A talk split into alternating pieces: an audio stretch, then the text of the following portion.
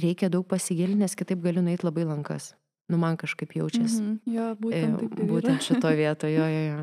Nes gali kai kurie sapnai ir labai išgazdinti ir jeigu nelabai daug nusimanai, gali pradėti analizuoti visai ne į tą pusę, Taip. arba ten per daug direktyviai, žinai, per daug tiesiogiai. Ir nebūtina ten tų sapnų rašytis. Tiesiog pabudus ryte, užsimerkti ir skirti 30 sekundžių, nu, tiesiog prisiminti tą sapną. Vien tas prisiminimas jau gilina kažkokį ryšį, tu toks būni. Pasąmonė, tu man rūpi labas, čia aš. Mhm. Ir pasąmonė labai mėgsta dėmesį ir kai jinai gauna dėmesį, jinai tada dar daugiau informacijos visada paduoda. Kiekvienas specialistas yra tam tikros teorinės pakreipos atstovas ir ne vienas nesame pilnai apsaugotas nuo atstovaujamos pakreipos šališkumo. Vartojamos informacijos sintezė ir sąsajų ieškojimas su kitomis perspektyvomis yra raktas į holistišką požiūrį. Nesiūlome priimti vienos teorinės skripties kaip dogmos ar vienintelės tiesos. Kaip tik siūlome prisiminti, kad yra ne vienas veiksmingas analizės kampas. Teorinė kryptis yra perspektyva, kurios pagalba galime pažinti save ir savo psichiką. Praktiko atlikimas ar teorinės informacijos pritaikymas savo yra kiekvieno asmeninė atsakomybė. Išgyvenant psichikos negalavimus rekomenduojame kuo greičiau kreiptis į šios ryties profesionalus. Nerekomenduojame to atidėti tik todėl, kad kažką išgirdote šioje tinklalaidėje. Labas, tu jums sveikinasi organizacija jau dabar. Aš vardu Dominika, o šiandien studijoje turime sveikatos psichologę Jurgitą Garšinskaitę. Sveika. Sveika, Dominika. Šiandien tęsime mūsų pokalbį apie praktikas. Prieš klausant šios tinklalaidės rekomenduojame pasiklausyti pirmąją jos dalį, kurioje su Jurgita diskutavome apie praktikų prasme, jų naudą. Taip pat aptarėme labiau praktinę pusę, kaip pavyzdžiui įpročių kūrimai ar prokrastinacija. Šiandienos mūsų planas yra keliauti per praktikų kategorijas ir trumpai aptarti įvairias praktikas. E, Su Jurgita bandysime panalizuoti, kokiems žmonėms tam tikros praktikos yra tinkamos, e, galbūt taip pat pasidalinsime ir savo patirtimi. Kartu su Jurgita sukategorizavome praktikas vien tam, kad būtų paprasčiau apie jas kalbėti. Kadangi tai buvo Jurgita tavo idėja, tai galbūt gali šiek tiek e, daugiau papasakoti apie kategorijas, kodėl mes taip darėm ir kaip mums gavosi.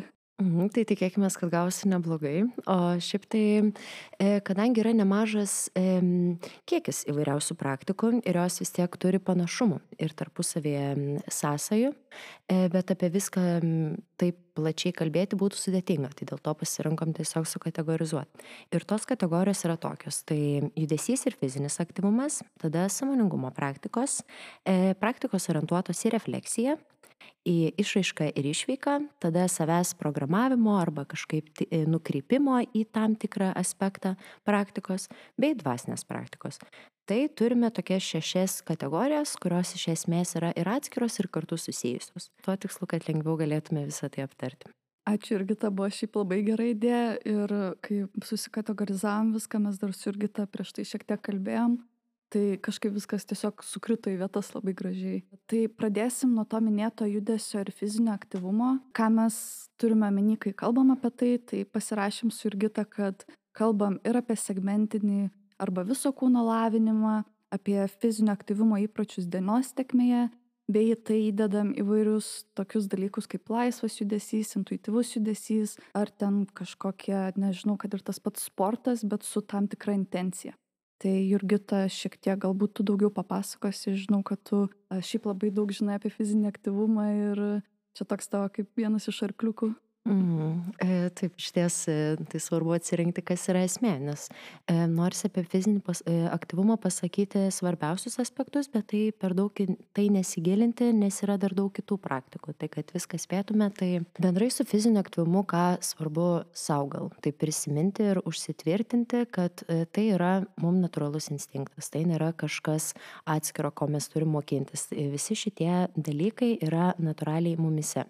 Ir kaip praeitą pokalbį irgi išnekėjom nuo e, jogos darimas ir kaip paukščiukai daro gamtoje tiesiog natūraliai jogą. O mes va žmonės permėm ir galų galiau sakom, kad čia mūsų skurtas dalykas.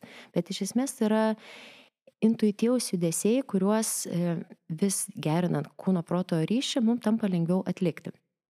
Ir turint tai omeny, svarbu tada savo dienos tiekmėje bandyti įtraukti įvairiausius fizinio aktyvumo įpročius. Kad tai nėra kažkaip atskira, tai yra mūsų diena ir kaip mes būnam kasdienybėje. Tai irgi su judesiu. Mm, Ir pradžioj Galbūt reikalingas kažkoks e, rėmas tam tikras, reguliarumas, kažkokios veiklos nukreipimas, kad tiesiog tą įprotį lengviau susiformuoti. O ateityje kai tai tampa taip um, lengviau suvokiama, apčiuopiama ir tas instinktas labiau iškyla į paviršių, mes galim labiau kreiptis į intuityvų judesi. Tai yra stebėti save, kada mums jų reikia pertraukos prasijudinti, kai mums reikia prasijudinti, kokią fizinio aktyvumo rūšį e, rinktis. Ir tuo pačiu tai turi didelį ir gydomąjį poveikį, kaip autentiškas judesys, intuityvus e, e, judesys, čia irgi įvairių pavadinimų yra panašiem dalykam įvardinti. Tai galima ir tokias praktikas e, praktikuoti. Mm, kažkaip, kai kalbėjai, man pagrindinė mintis apie tai yra, kaip mes einam į tą judesį. Ar mes tai mhm. tai darom sąmoningai, ar mes tiesiog nešam kūną per kažkokias, žinai, pozas, bet iš tikrųjų mintis yra kitur. Ir kaip kažkokią, tarkim, labai neilgą, kad ir 10-5 minučių kažkokią judesio praktiką galima paversti tikrai didelę samoningumo praktiką, kuomet mes stengiamės būti su ta judančia kūno dalimi kuo labiau ją jausti ir taip galima sujungti net meditaciją su judesiu. Tikrai taip ir čia labai toks e, vertingas aspektas daryti. Nes e, kai mes judame sąmoningai ir galbūt su mum patiem tinkamu tikslu, tai reiškia tiesiog pabūti su patyrimu, pabūti savo kūne, protę, kažkaip tiesiog su patyrimu kaip yra. Nu, va taip sąmoningai, be vertinimo, leidžiant tam tiesiog tekėti ir reikštis. E, dažniausiai tokiu atveju iškils dalykai, kuriuos mes kažkaip gal nuvengiam, nenorim pamatyti ir jie lengviau iškils, pabus, išsireikš ir praeis. Tai dėl to va, tas ir sąmoningas judėjimas apjungiant su meditacijas gali būti labai vertingas. Ir vakar praeitą e, pokalbį mes palėtėm truputį ir šį gal norisi akcentuoti. Tai segmentinis versus viso kūno lavinimas iš savęs. Nes tai irgi yra vėl su tai susiję vidinė ir išorinė motivacija vidinė motivacija bus, jeigu mes darom dalykus e, ir užsiemam fiziniu aktyvumu dėl savo kūno lavėjimo, dėl jo fizinių ypatybių lavėjimo, dėl geresnio pastebėjimo kūno pojūčių, e, gebėjimo atlikti tam tikrus pratimus, geriau jaustis, e, tarkim, kasdienybėje, kad, nežinau, pravažiuoja staigi jokia mašina ir mes nesusviruojam taip stipriai, nes pralekia ir balansą tą išlaikom. Tai, nu, va tokie dalykai, kurie yra esmė. O šių mūsų laikų visuomeniai dažnai orientuojamasi dar vis dėlto ir, o bet tačiau sakyčiau, dėja, e, į segmentinį lavinimą, į išvaizdos lavinimą, kad va, kūną lavinkim atskirai, dabar reikia užsimpuoti, nežinau, rankas už pakali šlaunis, kad atrodyčiau taip ir anaip, tada dar su kažkuo pasilyginti, tada prieš kažką laimėti arba pralaimėti. Ir tai sukuria tiek daug bereikalingos energijos ir tiek išvaistoma jos, kur tiesiog lengviau ją gal nukreipti į save. Ir va tą tikrosios motivacijos suradimą savyje ir nugenėjimą to, kas galbūt buvo išmokta dėl visuomenės, šeimos, dar kitokių standartų. Mm, labai gerai, kad paminėjai tą, kaip labai įsiminė tas, kad mašina pravažiuoja, žinai, ir neprarandi balanso. Tai irgi apie kažkokį innate, žinai, samoningumą, kuris jau yra grinai kūno išmintis, kur mhm. sąmoningai tikrai ne, nepadarysi tai to kažkaip taip. Ir manau labai gražiai pereisim prie samoningumo lavinimo praktikų. Tai turiu meditaciją, įvairias kvepavimo praktikas ir sąmoningą judėjimą, sąmoningą valgymą, tai ten jau galia turbūt prieisim. Mhm. Tai galim pradėti nuo meditacijų, čia tokia e, tema, kur mes galim turbūt valandų valandas kalbėti, vien dėl to, kiek daug yra įvairių tų meditacijos formų ir apskritai gali būti, kad žmonės, kurie nelabai pasidomėjo meditacija, galvoja, kad nu yra kažkoks, o meditacija čia yra vienas dalykas, kai tuo tarpu yra tiek daug skirtingų meditacijos formų ir jos veikia skirtingai ir kelias į kažkokį tikslą yra visiškai kitoks ir tas tikslas netgi gali skirtis. Mhm. Tai galim pradėti nuo pačios populiariausios turbūt vakaruose, žinai, mindfulness, tos samoningumo, kvepavimo stebėjimo praktikos, kur visi apsai yra perpildyti mhm. to mindfulness, žinai, ir kur visi sako, nu bent 10 minučių padaryk mindfulness meditacijos, čia yra žiauriai gerai, žiauriai svarbu. A, tai nežinau, tu turbūt irgi turi patirties, tiek aš, tiek tu ties šitų klausimų. Taip, nes aš to aš turiu tiek ir praktinės, tiek ir mokslinės patirties. Man meditacijos tyrinėjimai yra įdomis rytis ir jos poveikis žmogaus smegenim ir funkcionavimui. Ir tuo pačiu aš kažkaip man labai norėjau atreaguoti, nes meditacija, ypač samoningumo, va, to mindfulness, dėmesingo įsisamonimo, kiek tai yra praktika, taip, tai yra ir praktika, kiek tai yra gyvenimo būdas ir tiesiog buvi su savimi.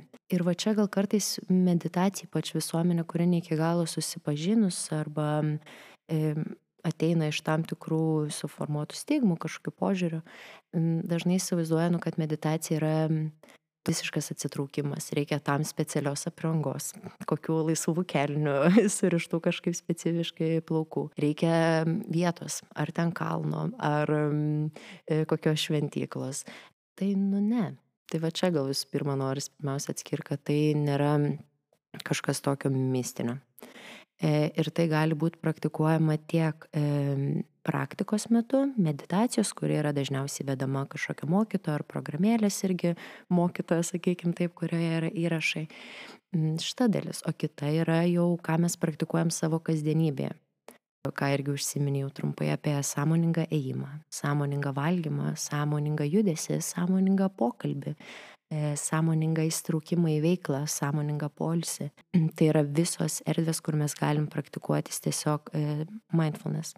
Mm, ir iš tikrųjų, žinai, tas, kad ir sąmoningas valgymas, tai labai dažnai sunku tiesiog žmogui nusinešti tą sąmoningumą į tą procesą, bet kai jau kažkiek laiko medituoji, kažkaip automatiškai tavyje gimsta kitose gyvenimo sritise. Mhm. Man tas ir yra, žinai, gražiausias dalykas apie meditaciją. Mhm. Būtent, žinai, mindfulness. Taip, ir šitoje vietoje gal taip e, dar įsivardinant, kad tikrai nu, būtų aišku, kam apie ką. Tai vis tiek mindfulness meditacijos yra apie kryptingą dėmesio sutelkimą į tam tikrą objektą, jį priemant be vertinimo, tiesiog priemant toks, koks jis yra, nekategorizuojant blogai, gerai, normaliai, vidutiniškai, atsitraukiant nuo to, tiesiog yra patyrimas, kuris šiuo metu atėjo ir jisai yra galimas jausti ir aš jį tiesiog jaučiu, nekuriu distancijos tarp to, tiesiog leidžiu tam būti ir stebiu, kaip tai ateina ir praeina. Lygiai kaip ir su mintim, su kūno pojūčiais. Tai va čia ir yra, kad meditacijoje dažnai yra žmonės išmoksta tą daryti, ką gali į kasdienybę pernešti, nes dauguma žmonių ir turi su to sunkumu. Minčių visas chaosas, kurio nei pastebėti, nei nepastebėti, jau kartais ten nebeišeina pojūčiai, kas vyksta, emocijos. Dažniausiai būna košia makaliošia viena didžiulė pa žmonės, kuriai išnarpliot yra sudėtinga. Tai dėl to viena dalis - savianalizė, į save gilinimasis pokalbiai su psichologu yra labai naudinga, va tam išsinarplimui, kita tiesiog stebėti visą tą chaosą ir kokios jo gyjos. Tada, kai mes tiesiog tą stebim, nebeįsisukam, atsitraukiam, priemam, nevertinam, jos pradeda pačios išsi, išsisukti. Ir čia yra tas žavesys proceso. Tiesiog tam irgi reikia pasiruošti, aš manau, ir tas išgazina. Nu, apskritai, kai pasigilinam į save kažką atveriam tiek malonaus, tiek nemalonaus, tai, nu, kai kuriems žmonėms būna per daug ir truputį baisu. Tiesa. Bet tuo gerai ir yra meditacija, kad dažniausiai neleidžia į tiek toli, kiek nepakeli. Toks, nu, čia turbūt kažkiek yra apie tą, žinai, psichikos savisaugos įsijungimą, žinai. Mm. Nu, ne, nepaisi taip toli, žinai. Taip. Tai va gal čia tiem žmonėm, jeigu paima stipriai miegas, labai kažkokios emocijos nemalonios e, meditacijos metu, e, galima pasigalvoti, kas apie ką iš tikrųjų tai. Mhm. Taip, sekantį turiu užsirašius, nu čia iš esmės yra mindfulness tokia dalis, bet tie būtent body scanai, kūno mhm. skanavimai, žinai, čia galimai gali įeiti tą pačią kategoriją kaip ir somatinės meditacijos, bet aš labai labai myliu body scanus. Aš irgi. Ir e, noriu labai um, paminėti, kad jie tikrai gali būti labai naudingi. Kas nežino, kas yra body scanas, tai tiesiog skanavimas savo kūno in a mindful way, tai būtent stebint tokį, koks jis yra. Ir labai body scanas yra šaunus įrankis žmonėms, kuriems, pavyzdžiui, sunku atpažinti savo ribas, sunku jas brėžti, nes mes taip suprantam savo kūno ribas su body scanu. O jeigu tu supranti savo kūno ribas, tu, kadangi psichika ir kūnas yra vienis, tai lengviau atpažinti tas, ir tas psichinės ribas, nusinešti tai į kitus santykius. Mm. Taip, iš tikrųjų, e, kūno skenavimas yra labai svarbus varibom, ką įvarnai labai gražiai, tuo pačiu ir emocijų tyrinėjimui ir emocijų išveikimui arba net ir pakeitimui. E, nes vis tiek, kas irgi yra įrodyta ir dabar žmonės dar labiau tai gilinasi, nu, tam tikri mokslininkai, kokį dažnį skleidžia emocijos ir kaip jos pasiskirsto mūsų kūne. Ir galima matyti, kad tam tikros emocijos yra tam tikros kūno vietos e, ir panašiai. Tai praktikuojant kūno skenavimo meditacijas tą galima pastebėti labai lengvai. Kai mes pastebim viduje tą dalelių energiją, nu, gal taip įvardinsiu, mes ją galim jau apčiuopti. Kai mes ją apčiuopiam, mes ją galim pakeisti, mes ją galim suvaldyti, mes ją galim kažkur kitur e, paleisti, tarkim, į žemę, mes ją galim pripildyti iš kitos dalies kūno, kokiu atsipalaidavimu, tarkim, pasitikėjimu savim. Tai čia atsiranda jau toks, kaip ir su visų samoningumu, mes galim pasirinkti, ar mes būnam taip, kaip yra, ar mes pamatom, kaip yra ir tada atsiranda tam tikras išėjimas iš autopiloto mes jau galim pasirinkti, kaip mes norime būti. Mm, labai, labai gražiai pasakyta iš ties. Ir jo, gal net neminėsiu daug somatinių meditacijų, nes iš esmės tai yra visos meditacijos orientuotos į kūną. Jos puikiai tinka žmonėms, kurie linkia išskristi, daydreamint daug, svajot, disocijuot ir panašiai. Apskritai man irgi didelė meilė ir somatinė meditacijom turiu, ne veltui turbūt susitikom kūno ir judesio terapijos mm. institute. Tikėtina, tikėtina. Kitos meditacijos, kuriuo aš esu žiauriai nefanė, tai yra įvairios vizualizacijos, nors jos man labai labai gerai sekasi ir mm. labai linksma ir labai mėgstu ir čia turbūt nu, lengviausiai man į vizualizaciją negu ten į kokią nors kitą meditaciją, bet vizualizacijos labai dažnai gali pagilinti tą būtent išskridimą, kažkokią disociaciją, nes iš esmės, kai tu darai vizualizaciją, tu būni tik tai toj daly, kur neša tavo vaizduoti. Toj tam psichikos lygmenį. Nes mhm. galima, žinoma, sujungti vizualizaciją ir somatinę, ne? tai tuomet būtų toks momentas, kad, tarkim, darai somatinę meditaciją, pavyzdžiui, eini kažkokią kūno dalį ir tada žiūri, koks vaizdinys kyla. Bet tuo pačiu būni su jutimu. Mhm. Tai čia jau būtų toks žin, apjungimas kažkoks. Bet kai būna tiesiog ten tos visos guided vizualizacijos, kur ten tu esi kalnuose ir ten pučia vėjas ir debesėliai ir ten ateina angelas ar dar ten kažkokie scenarijai, galimai jausies ramiau po to, bet e, jeigu kasdien jas daryti, tai man labai sunku įsivaizduoti, kaip gali ryšys su kūnu būti stiprėti nuo to, žinai. E, yra šitame pavojus, ką sakai, kur jeigu žmogus linkęs labai į iliuzijas, fantazijas, tai e, vizualizacijos gali tapti tam tikra realybė, kurios nusiekiam. Taip, tai yra, kad va, patyrimą tą gaunam kažkokį, kokį norim, ar atspaldavimą, ar kažkokių scenarių, tai negali žinot, visko žmonės prisigalvoja, bet jo, tai gali sukurti įtampą ir tokį labai didelį atstumą tarp esamos realybės ir to, ko noris ir ką žmogus kaip ir išgyvena, bet tai nėra integruojama ar nėra tapatu ir gali žmogui prasidėti tikrai sunkumų.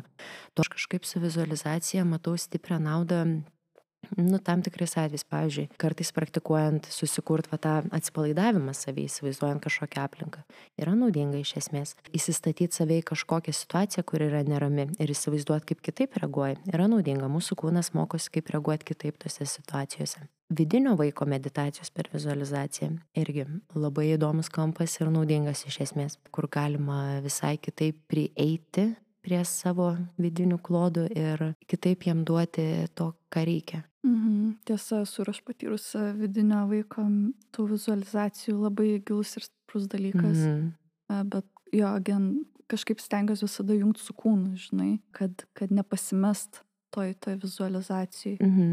Bet, nu, čia turbūt tik man, žinai, jeigu žmogus neturi problemų su disociacija ar kažkokiais tokiais dalykais, tai manau tikrai yra saugus būdas. Mhm. Tai reikia turbūt įsivertinti tiesiog, žinai, kur esi labiau linkęs ką jau ir kalbėjom praeitam podcast, žinai, prie tų pavojų, kad nu, tiesiog būt sąmoningu apie tai, ką darai, kaip darai ir kodėl darai. Taip, ir kam esi jautrus, nes, nu tikrai, jeigu, tarkim, vaizduotė, kūrybiškumas vieniem gali eiti labai per garsą, per žodžius, kitiem labai per vizualinį reiškinį, tai jeigu per daug užstimuliuos, tą gali būti sunku suvaldyti tiesiog visą patyrimą.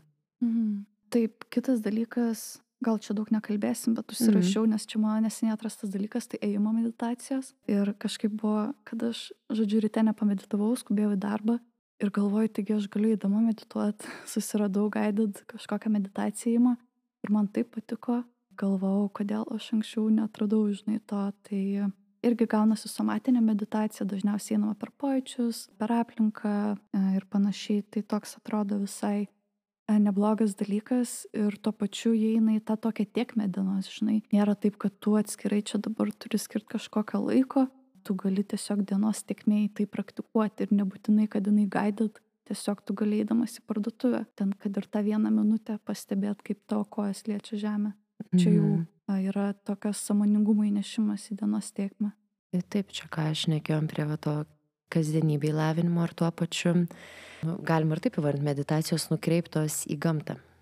Nes gamtoje labai lengva sutelkti dėmesį į patyrimus. Tai yra į kvapus, garsus, e, spalvas, atspalvius, savo potyrius jaučiamus, matant tam tikrus vaizdinius. Mm, tai čia yra labai didelis laukas, kur galima praktikuoti meditaciją. Lygiai taip pat kaip ir architektūra miesto. Irgi. Tai Va tavo mm. minčių srautą, jeigu kas jaučiat, kad labai daug vyksta visko, tai kiekvieną kartą, kai prisimenat, kad einat ir esat kitur realybėje, ne savo mintise, pamėginkit nukreipti dėmesį tiesiog į aplinką savo pastatą, įsivardint daiktus, ką matot, nes tai irgi jau labai greit sugražina į čia ir dabar momentą. Mm, gera technika, e, iš ties. E, kitas dalykas tai kvepavimo praktikos. Abi esam šiek tiek susidūrusios, bet kiek kalbėjom, tai nėra, kad labai stipriai daug praktikuojam kiekvieną dieną mes to, bet į tą visą mūsų kvepavimo praktikų kategoriją įeina tokie dalykai kaip bebefingas, tas trikampinis, kvadratinis kvepavimas, pranajamos praktikos ir panašiai. Tai pirmą gal savo mintis tiesiog pasakysiu, su kvepavimo praktikom irgi pas mane toks myliu nekenčių santykis, Yra tokių praktikų, kurios tikrai man tinka ir mane ramina, kaip, pavyzdžiui, koks diafragminis kvepavimas arba pranajamos, bet yra ir tokių, kur tiesiog tu hiperventiliuoji ir tas ryšys su kūnu šiek tiek prastėja, kai turėtų galbūt jisai labiau sukipti. Ir žmonės, kurie linkia į disociaciją, tai eikiai aš, pavyzdžiui, dažnai tiesiog disocijuoja tuo metu, kai iš esmės, nu, tarkim, jeigu aš einu į kvepavimo praktiką, mano tikslas yra, kad jinai būtų sąmoninga praktika. O kaip aš matau sąmoningą praktiką, tai kažkoks kūno ir psichikos vienis, bandymas išlaikyti tą balansą, ramybę tą tokią, kas iš esmės dinksta. Tai kaip ir tas, pavyzdžiui, rebefingas, kur esmė yra ten valandą tiesiog žiauriai giliai kvepuoti ir per burną, ir per nosį, Ir būna taip, kad nervų sistema tiesiog tuomet išsijungia ir žmogus gali išskristi disociaciją. Tai irgi tikrai ne visiems tinkama, aišku, yra žmonių, kuriems tai gali būti tinkama ir visiškai tai nebūti problema, bet kaip ir su meditacijom svarbu įsivertinti. Tuo tarpu yra tokių pranajamų, nes pranajamų irgi yra tokių, kurios į hiperventiliaciją neša ir tokių, kurios šiek tiek atvirkščiai daro ir jos gali tikrai labai raminti ir panašiai. Bet su pranajama, manau, kaip ir su meditacija, yra tiesiog toks tikrai nemažas dvasinės praktikos šleifas, kas tikrai nėra blogai, bet kaip ir bet kokia dvasinė praktika, tiesiog, bent jau mano manimu, jinai gali tiesiog nuvesti kažkiek giliau negu tiesiog kažkoks paprastas ten trikampinis kvepavimas, žinai. Mm. Tai irgi turėti turbūt svarbu omeny, kad yra tam tikri mokytojai, kažkokios tam tikros taisyklės, tam tikri pavojai e, su kiekviena skirtinga pranajama. Kalbant apie trikampinį kvepavimą, žinau, kad tu turi ką gero mhm. pasisakyti. Mhm. E, taip, tai šiaip e, gerą tokį įvedimą padarė į e, kvepavimo pratimus ir to įvairovę. Ir tuo pačiu kažkaip noriu atreaguoti svarbą m, sužinoti daugiau apie tai gal prieš e, pradant pasirenkant ir tuo pačiu turėtų menį, kad e, šito vieto yra individualumo va kaip tie klasikiniai. E, va, vienas e, e, kvadratų kvepo, daugumai žinomas, kad per keturis įkvepiam, keturis iškvepiam, keturis įkvepiam, keturis iškvepiam. Mokinomės tiesiog natūraliai, giliai, ramiai kvepuoti ir atsipalaiduoti. Kita dalis yra trikampis, va, Dominikos minėtas, tai e, kur mes įkvepiam per keturis, e, keturis pauzę padarom ir per keturis iškvepiam. Tyrimai rodo, kad šitas yra efektyvus iš esmės nusiraminti. Tuo pačiu, ką praktikoje galima matyti, kad kai kuriems žmonėms yra labai tinkamas, o kai kuriems žmonėms, ypač gal su panikos atakom, primena panikos patyrimą.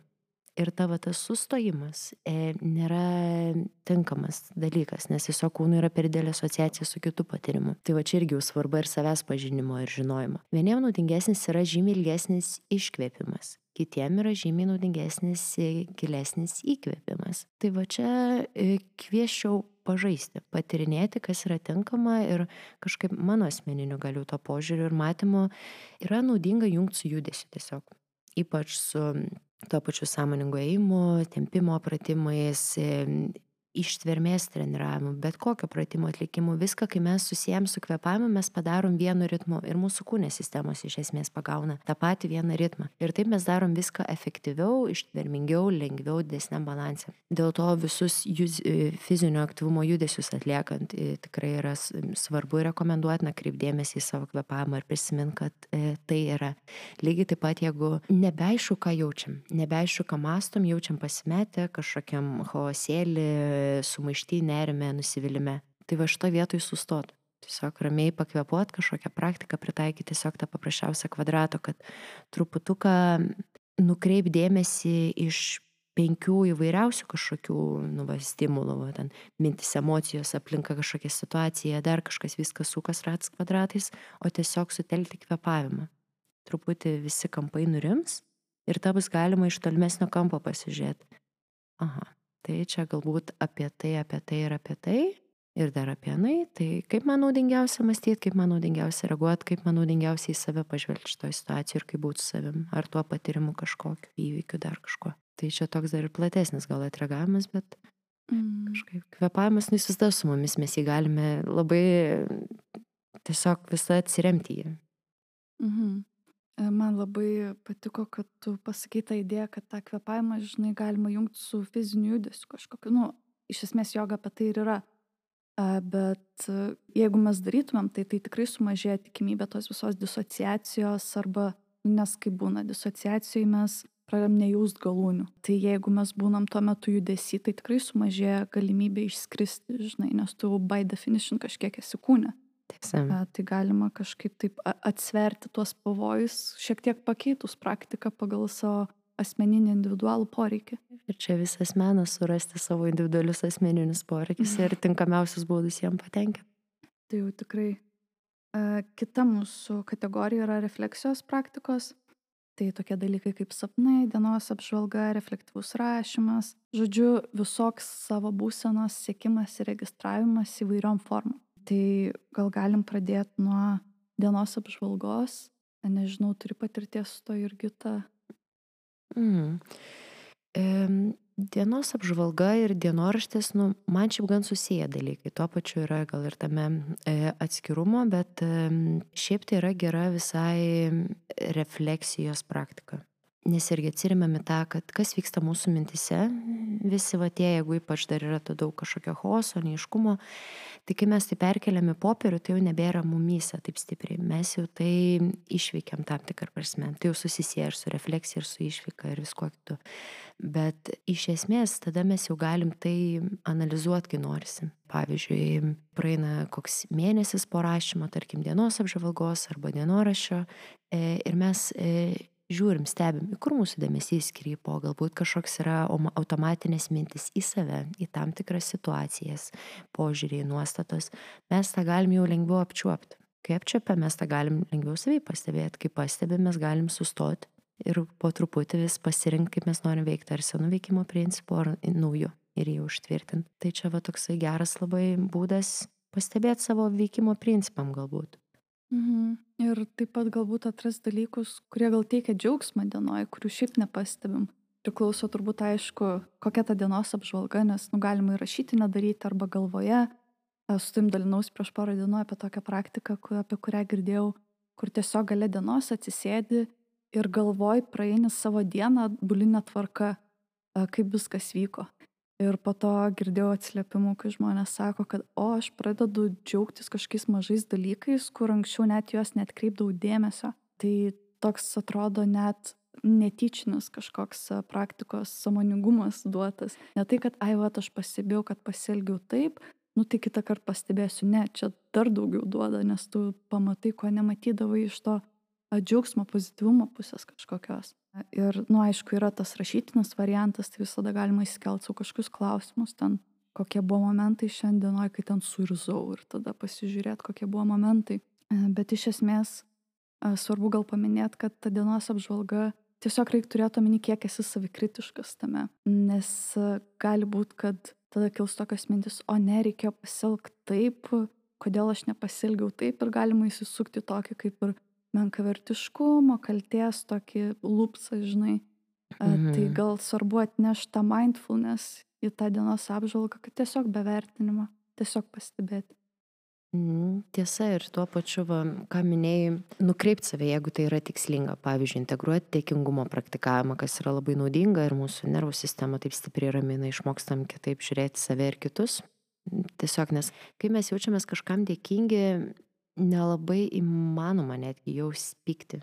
Tokį pagėžą nerimą, dar kažką, tai yra labai priešinga. Tai dėkingumas net ir tamsumą gali labai nuspalvinti mm, nu, tokio atsipaldavimo, ramybė šviesa, kaip čia vardins taip. E, tai va, išsikeliant ir tokius klausimus, per tai reflektuojant, galim mokinti savo smegenis į kitur kreipti dėmesį. Nes, nu, jeigu, pavyzdžiui, žmogus depresija, tai yra normalu, kad jis neigiamai žiūri į save, į kitus, į ateitį, tai yra normalus veikimo principas. Bet tą labiau pastebint ir save kreipiant, kad, nu gerai, nors dešimt blogų dienoj dalykų buvo, aš pamėginsiu kiekvienoj dienoj vasuras bent tris gerus dalykus. Ir tai jau bus atsvaros kūrimas mūsų smegenys ir mūsų pačio suvokimo keitimas. Mm. Čia jau gal pereinam šiek tiek į jungimą praktikų, bet mes dar gale paminėsim. Labai sunku iš tikrųjų kalbėti apie praktikas izoliuotai. Aš tai, pavyzdžiui, mm. nu, tikrai straglinu, nes atrodo įsivaizduoju, kaip jos persipina ir viena su kita kartu veikia. Taip, bet mm. tuo pačiu toks jausmas, kad mes vis pokalbėje prijungiam kažkurį aspektą, nu va kaip ir kategoriją, bet tuo pačiu kaip tai pereina per visus kitus kampus. Mm, iš ties. Kiti momentai iš refleksijos praktikų, tai nežinau, ar apsimoka ten labai daug delvinti tai, bet yra situacijos analizė, vairios kontempliacijos, ten ekspresyvusis rašymas, tai atsitinka kažkas, išrašai, pabandai išsianalizuoti, įsikelti ten kokie jausmai ir panašiai tokia visiška refleksija, kuri tikrai gali būti naudinga, ypač ten, nežinau, su, su, jautiesi, kad nu, šitos dienos yra sunkios arba šitas mėnuo yra sunkus. Visada čia nėra kažkokia praktika, kur tu kiekvieną dieną visas situacijas analizuosi. Čia tokios labiau retkarčiais padaromos praktikos iš esmės, kurias galima utilizuoti tam tikrų momentų gyvenime individualiai prireikus ir padeda tiesiog, nu kaip ir minėjai, sudėti mintis į stalčiukus, registruoti, pasižiūrėti, kas apie ką. Mm. Mm, ir mano mėgstamiausia refleksijos praktika tai yra sapnų analizė. Čia mano visiškai dalykas. Iš tikrųjų, sapnų analizė tokia man yra užknisanti praktika.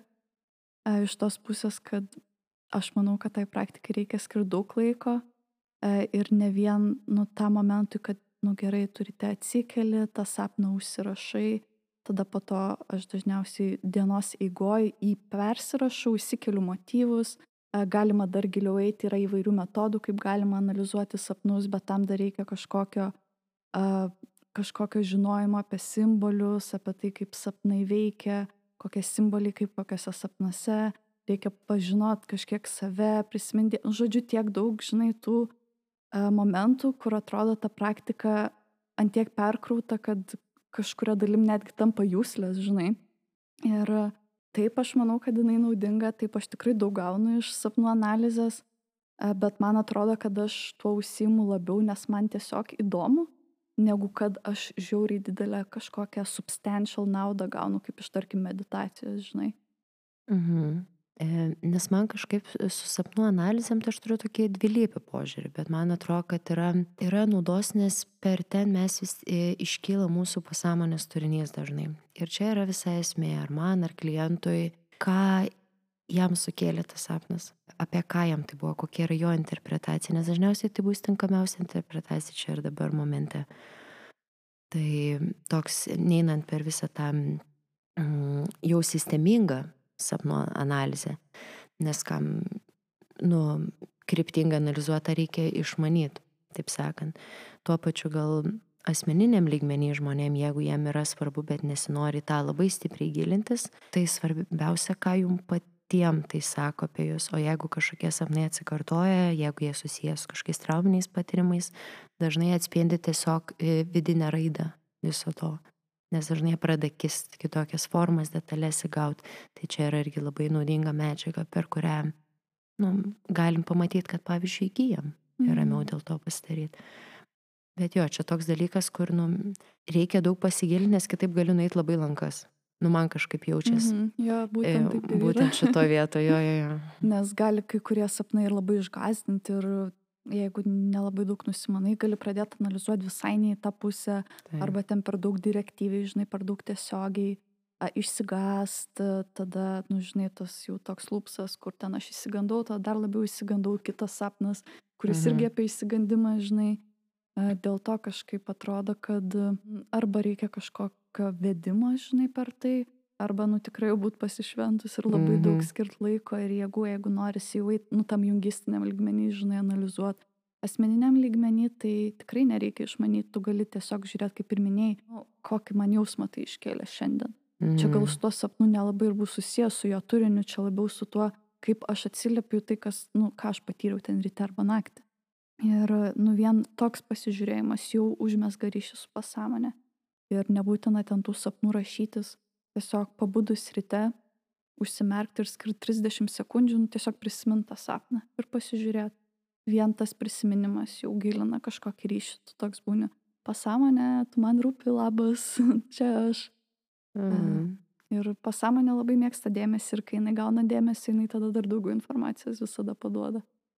Taip, Tai toks- ir em, žavesys ir gazinantis dalykas. O jo, iš ties, Mhm. abi pusės. Bet aš manau, kad žmonėm gal net yra aktualiau, nebūtinai, bet man taip e, matymo sąmoningi sapnavimai, lucid dreaming. Šitie dalykai, ko siekia ir dažnai man būna tas registravimas, stebėjimas sapnų, net ne apie analizę, tiesiog, kad pasiekt būtent tą lygmenį, kad galėtum jų sąmoningai sapnuoti. O ką jau kiekvienas tuo nori daryti, tai čia jau, taip sakant, Mhm. asmeniniai momentai, nes irgi visokių esu girdėjus istorijų. Jo, šiaip čia kaip ir atskira net praktika yra, nenoriu labai uh, naudot laiko daug ant to, bet uh, esu bandžius iš tikrųjų, iš tikrųjų naudoja lucid tą dreaming kaip atskirą praktiką, pavyzdžiui, kalbėti su kitomis savo dalimis ir mėgsti ryšį tam, pavyzdžiui, Mhm. E, Reiktų daugiau, jeigu norint praktikuoti, tai įsigilinti, e, bet esmė tokia, kad ten pradedi būti jau tas sąmoningas sapne ir tu gali pakviesti kažkokią nors savo psichikos dalį ir su juo pabendrauti ir taip e, ryšį bildinti ir panašiai.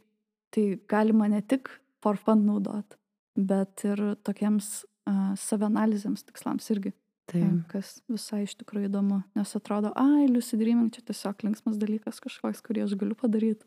Taip, tuo pačiu galima ir visokių baimių, nerimų įveikimui naudot, mokymuisi, darbo atlikimui netgi tam pačiam čia. Tiesa. Tuomet turim išraišką ir išvyką, kur labai šiek tiek daug kalbėjome apie tai, kaip kategorizuoti šitas praktikas. Abiški gal įsiskyrė mūsų nuomonės, bet e, čia labiau apie tokius dalykus kaip rašymas, judesys, menai, tai piešimas, vaidyba, šokis, e, laiškai visokie ir visokios panašios išraiškos, kuomet mes kažką, kas viduj, tiesiog perkeliam į kažkokį objektą, kuris yra išoriai. Ir mano buvo klausimas Jurgitai, kaip mums išskirti tokius momentus, kaip pavyzdžiui, išraiška ir išveika naudojama, kuriant kažkokį meno kūrinį. Tai tarkim, tapyba, ne? Tai aš nueinu ir tapau meno kūrinį. Bet kuo tai skiriasi nuo tiesiog paprastos išveikos, kai tu turi kažkokį jausmą, kuris užknisa, pasimi drobį ir belę ką padarai, kad tik tą jausmą išveikti. Nes vienam yra estetinis momentas, o kitam estetinio momento nėra. E, Yra kažkokia e, intencija vienokia vienam, kitokia kitam, bet abu veiksmai duoda kažkokį vidinį patyrimą e, ir gali būti, manau, nu, nu, vadinama praktika kažkokia psichologinė arba netgi dvasinė kai kuriem, a, Mhm. kalbant apie meną. Tai vat, buvo pas mus šita Mhm. diskusija ir dėl to mes sumetėm viską į vieną, a, bet a, jo, nežinau, ar, ar turi kažkokių minčių dabar apie Mm. tai. Gal noriu atreaguoti tai, kiek um, tai yra apie procesą, kiek apie tikslą. Mm, Nuimkim, tarkim, šokim, laisvą judesi.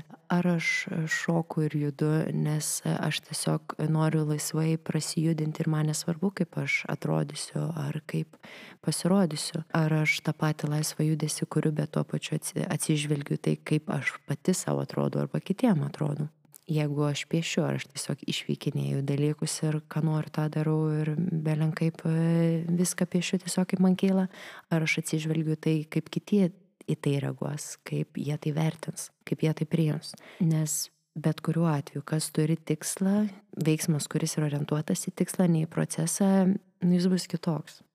Tiesiog. Ir kalbant apie išvyką, nu vis tiek esmė labiau procesas. Mhm. Nes tiesiog kitaip bus kiti kampai svarbus ir dažnai tai bus per kitų vertinimą, per kažkokį, nu, vatavą, į orientaciją į kitą. Tai kas šiaip iš esmės nėra labai gal nu, naudinga, tiesiog taip yra daug žmonės to sunkumų turi ir pervertina va, tą reikšmę, kaip kiti vertina, kaip kiti galvoja ir visa kita. Mhm, suprantu, ką turiu omeny, bet, nu, pavyzdžiui, tarkim, Mhm. judi kambarį vienas, ne, tai tu gali judėti ir su tuo estetiniu dalyku, arba gali tiesiog laisvai, autentiškai daryti. Jo yra tas didelis skirtumas. Būtent ir vienas duoda sukaustimą ir atitolimą nuo patyrimo, o kitas leidžia tiesiog išsilaisvinti ir būti taip, kaip yra, su savim ir tuo, kas viduje vyksta. Tai čia kaip ir autentiškumas versus socialinių vaizdinių kūrimas kažkoks. Nu, jeigu mes stengiamės būti kažkaip autentiški savo viduje, tai mes vis tiek būsim tam tiesiog procese, kaip yra ir pagal tai kažkaip gal vertinsim ar būsim su savim. O jeigu mes orientuojamės socialinių vaizdinį, tai mes vėl į kažkokį tikslą orientaciją, kaip kažką ką atrodo. Tai nu, visiškai kitaip tas savi išraiška irgi e, Mhm. vyks. Tiesa. Ir, nu, kažkaip, aišku, čia šita kategorija praktikų yra grinai. Žmonės pasirenka tai, kas individualiai labiausiai, e, kam filina, žinai, Mm. Ten yra dailė, ar ten yra muzika, ar kažkokie tokie dalykai. Visada turbūt geriau utilizuoti tai, nu, ką tau patinka daryti, negu kad versti save daryti, ką nepatinka, žinai. Bet šiaip kalbant apie judesį, dar labai noriu paminėti, kad galima tiesiog naudoti daiktus. Man atrodo, praeitą kartą, kai buvom susitikusios, minėjau, Mhm. kad a, galima utilizuoti kamolius ir pagalbės a, ir įjungti judesį visokiems ten, nežinau, daužyti pagalbę, mėtyt kamolį ir įsivaizduoti, kad ten meti kažkokį nors jausmą a, ir panašiai nėra. Tam taip- tikram specifiniam žmogui. tai vad visokių tokių yra tikrai e, momentų, galima būti kūrybiškais ir nėra kažkokių ten didelių taisyklių. A, tik apie judesį atsimenu, skaičiau a, Lindos Hartley Mhm. iš mūsų privalomų e, vieną straipsnį, tai minėjo, kad judant autentiškam arba ten, tarkim, laisvam judesį žmonėms, kurie yra linkę į disociaciją, geriau gali būti atsimerkus tai daryti. Nes, nu, automatiškai mažesnis šansas disocijuoti ir įkristi kažkur į- kažkokią kitą realybę. Tai norėjau pagalvoti, kad bus gal svarbu paminėti. A, Nes Mhm. pati irgi jaučiu, kai judu, kad daž... lengviau man kūnį išbūti yra, jeigu aš būnu atsimerkus tikrai. Yra... O pavyzdžiui, man priešingai, man e, lengviau e, prisileisti patyrimą ir tiesiog būti pilnai jame, e, kai aš esu užsimerkus. Man Mhm. atsimerkus toks būna tada į kitur orientaciją gal natūralu. Mm. Na, visada galima turbūt utilizuoti abu. Mm, Faktas. Ir kai a, per daug arba jauti, kad pradedi disocijuoti, visada galima atsimerkti ir mainyti, žiūrėti individualiai kažkaip a, taikyti. Nėra Mhm. tikrai, kad ten privaloma užsimerkus ar privaloma atsimerkus. Ir turim dvi paskutinės kategorijas. Tai šitą bus savęs programavimo. Šiek tiek minėjom visokios dėkingumo praktikos, ketas tavo mylimas. Mhm. Jo, viena dalis mano mylima tenais, tai va, e, truputį, kad e, suprastume, apie ką aš nekam. Tai kognityvinė elgesio terapija kalba apie tai, kaip mūsų mintis, tai kaip mes mastom, veikia mūsų emocijas ir visa tai veikia mūsų elgesį. E, Ir iš esmės visą tai keičiant galim nu, pakeisti, kaip mes e, būnam su savim. Ir tai yra stipriai susiję su samoningumu ir mindfulness. Nes per ten mes ir pastebėm visą šitą ratą ir galim su tuo kitaip visai būti. Tai čia e, naudingas įrankis ir šiaip galingas, galima daug savo pakeisti dalykų labai. Mm, toks gaunas kaip tiesiog uh, pastovi savirefleksija dienos eigoj, jeigu utilizuojant. Mm, jeigu susisieja su mindfulness, galvoju, palam, irgi kaip gyvenimo būdas, žinok, man atrodo, nu, žinai, toksai, kad e, gerai teku savo vaga. Šiandienos, tarkim, atsikeliu ir aš pastebiu savo mintis, emocijas, tada jaučiu, kad kažkur galbūt e, neįtinkama kryptė eina, aš sustoju, nukreipiu į kitą pusę, galiu savo dėmesį aiškiai suvaldyti, e, galiu pakeisti lengvai emocinį gan patyrimą, jeigu nu, aš jį prisileidžiu, išjaučiu ir tada leidžiu kitam matyti erdvės. E, tai tiesiog yra toks labai, toks savęs nu, reguliacijos labai svarbus įrankis, tokios ašies vidinės. Mm, Labiausiai, ką girdžiu, tai kad atsiranda pasirinkimas, žinai, nebūtinai Jo. reiškia, kad aš va dabar tiesiog būsiu pozityv ir tik tai geras mintis galvosiu, nes galiu rinktis ne, bet atsiranda pasirinkimas, ar aš dabar noriu eiti ten analizuoti save dabar, ar aš galiu tai padaryti šiek tiek vėliau, kai turėsiu daugiau resursų, pavyzdžiui. Taip, arba ten tas pats e, važiuoju autobusu arba jaučiu e, ir kad nespėsiu, tai galiu pasirinkti, ar aš nerimauju, ar aš tiesiog sustoju, susidėlioju mintis ir tiesiog ramiai nuvažiuoju. Mhm. Tai, nu. Jo. Mm, iš tikrųjų, jo, mes jau kai kalbėjom irgi minėjau, kad panašu, kad žmonės, kurie daugiau, nu, vat, yra samoningesni ir daugiau su savim dirba, kažkaip natūraliai pradeda tai daryti e, ir įdėti savo gyvenimą. Būtent tokį vat, mąstymo būdą, kaip sakai, gyvenimo būdą tiesiog. Mm. Dar žinai, kas buvo pas mus afirmacijos. Ir mes kalbėjom apie afirmacijas, tu, tu gali šiek tiek dar pakomentuoti, bet tik noriu mm. pasakyti, kol aš jų žiauriai nemėgstu. tai afirmacijos, nu, realiai mes dar kalbėjom, kad čia gali būti susijęs su manifestacijom, bet manifestacijos šiek tiek labiau apie ateitį ir kitaip afirmacijos labiau tiesiog patvirtini kažkokią nors mintį, duodi jai daugiau svorio. Bet kalbant iš tos parts psychology, nežinau net kaip lietuviškai, mhm. dalių psichologija iš tos rušies, žmonės kalba, kad afirmacijas darant reikia būti labai sąmoningu apie tai, kad mes vis tiek esam sudaryti iš daug dalių. Ir jeigu mes uh, duosim afirmaciją, tai mes duosim tik kažkuriai daliai, nes automatiškai ta afirmacija, mes dažnai naudam afirmaciją, kai yra kažkoks vidinis konfliktas. Tai reiškia, yra viena ir kita dalis. Ir jeigu mes duodam afirmaciją daliai A, ir nepas, neprisimenam, kad yra dalis B ir jinai tenais sėdi viena liūdna nuskriausta ir jinai negauna dėmesio, fragmentacija tarp A ir B gali tiesiog didėti. Tai mhm. viskas gerai, mano nuomonė, yra su afirmacijom, jeigu taip pat gyvenime yra kažkokia erdvė, kuomet dirbama su visomis dalimis ir jų integracija.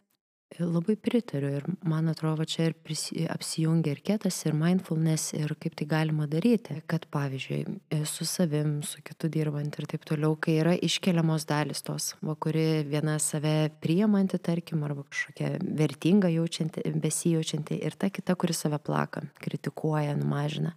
Dažniausiai tuose momentuose yra naudingiausia ir taikyti tą e, afirmacijas, patvirtinimus, kai mes jau atpažįstam, kad dabar įsijungia mano, tarkim, savęs kritikavimo veikimo principas, aš šito vietoj sustoju ir aš šitai savo daliai sakau, ne, tu esi nuostabi, tu esi šauni, tu viską sugebi, tu gali, važiuojam, darom.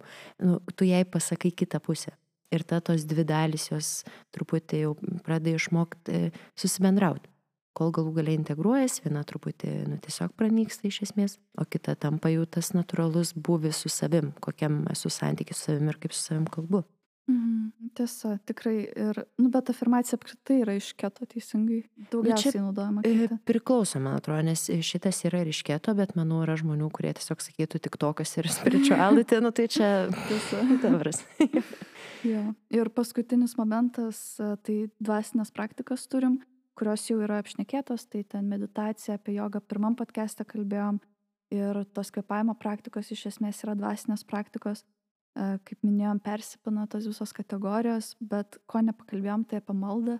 Ir malda visiems labai asocijuojasi su kažkokia religinių dalykų, kai tu nueini į bažnyčią ir sakai tėvę mūsų daug kartų, e, bet iš tikrųjų malda gali būti tiesiog nebūtinai susijusi su religija, gali būti kažkokia labiau gal sekuliari praktika, ne? nes malda tai tiesiog yra pasikalbėjimas. Ne? Tu gali rinktis, kuo tu kalbėsies. Ar tu kalbėsies su ten krikščionišku dievu, ar tu kalbėsies tiesiog su visata apskritai, ar tu kalbėsies su savim ir savo kūnu. Iš esmės tai galėtų būti kažkokia malda ir malda dažnai kartojama, moksliškai įrodyta, realiai veikia taip pat kaip meditacija.